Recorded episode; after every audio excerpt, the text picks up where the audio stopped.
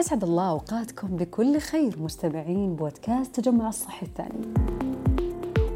من أكثر الأشياء اللي تقلق المريض في مراحله الأخيرة إنه كيف يقدر يتكيف مع المرض وآلامه ويكمل ما تبقى من حياته بسلام.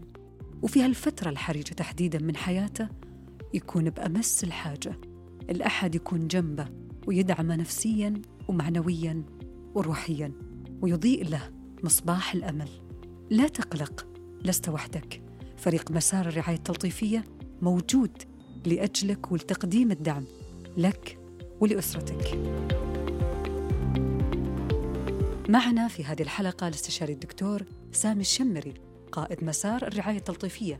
رح نتكلم معه عن مسار الرعاية التلطيفية ودوره في مساعدة أفراد المجتمع ممن يعانون من أمراض مزمنة للتخفيف من آلامهم ودعم أسرهم. أهلا بك معنا دكتور. أهلا وسهلا. حياكم الله.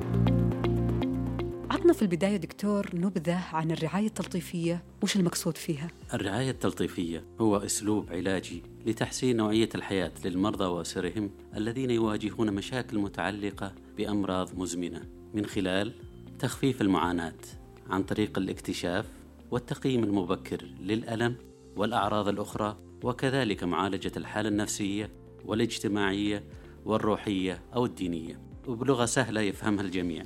هو محاولة منا لرفع معاناة المرضى أيا كان نوعها وعلاج أعراض المرض والاهتمام بكافة محيط المريض ورفع جودة ونوعية الحياة له ولأهله وشعارنا دائما لا للمعاناة لا للألم بكل أشكاله. السيطرة على الألم دكتور هو يمكن نقول أكبر هدف من هذا المسار أو أكبر هدف في المسار؟ صحيح. هدفنا هو نزع الألم عن أجساد مرضانا سواء كان الألم جسدي روحي عاطفي أو نفسي أو اجتماعي لا للمعاناة. هل في خدمات ثانية تقدمونها دكتور؟ أكيد. علاج المريض في كل مكان قريب له متوفر حاليا. خدمة الدعم النفسي والروحي والمواساة متوفرة. خدمة تدريب المرافقين. لمن يرغب أن يبر بأهله ويساعد مرضاه. كذلك خدمة النزل الطبية وأخيرا خدمة الرعاية التلطيفية في الزيارات المنزلية. الآن أنا فهمت الدعم للمريض والتخفيف له من آلامه. ودي شوي تشرح لي دعم الأسر كيف حيكون؟ إحنا نعتبر المريض وأسرته جزء واحد بحيث أنه نساعد على تخفيف الألم عن المريض نفسه كما نساعد على تخفيف معاناة المرافقين للمريض. لأنه دائما عندنا آه، هاجس أن من يجلس مع مريض مرض مزمن يعاني بقدر معاناة المريض نفسه وممكن أكثر صحيح. فهدفنا هو التخفيف عن الاثنين عن المريض وعن أهله قدر المستطاع في المسار دكتور من الفئة اللي تستهدفونها في تقديم مثل هذا النوع من الخدمات؟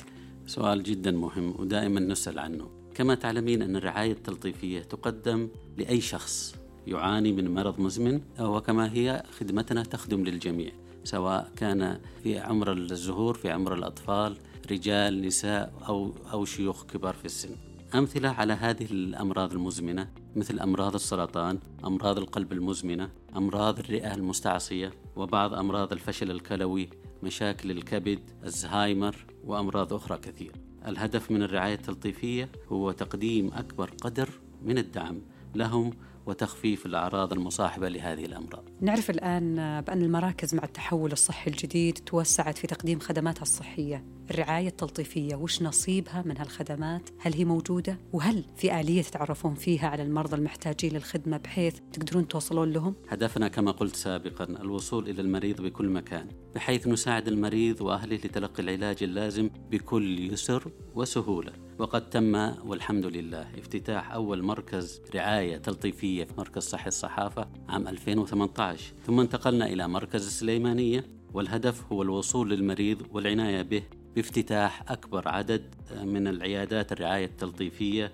في أكبر عدد من المراكز الصحية بحيث نكون من القريبين أقرب نقطة للمريض وأهله. في الختام دكتور لو بغيت منك تعطيني كذا شعار عريض لهذا المسار. باختصار الرعاية التلطيفية هي الإنسانية بكل صورها. الاستشاري الدكتور سامي الشمري قائد مسار رعاية تلطيفية. شكرا جزيلا لك.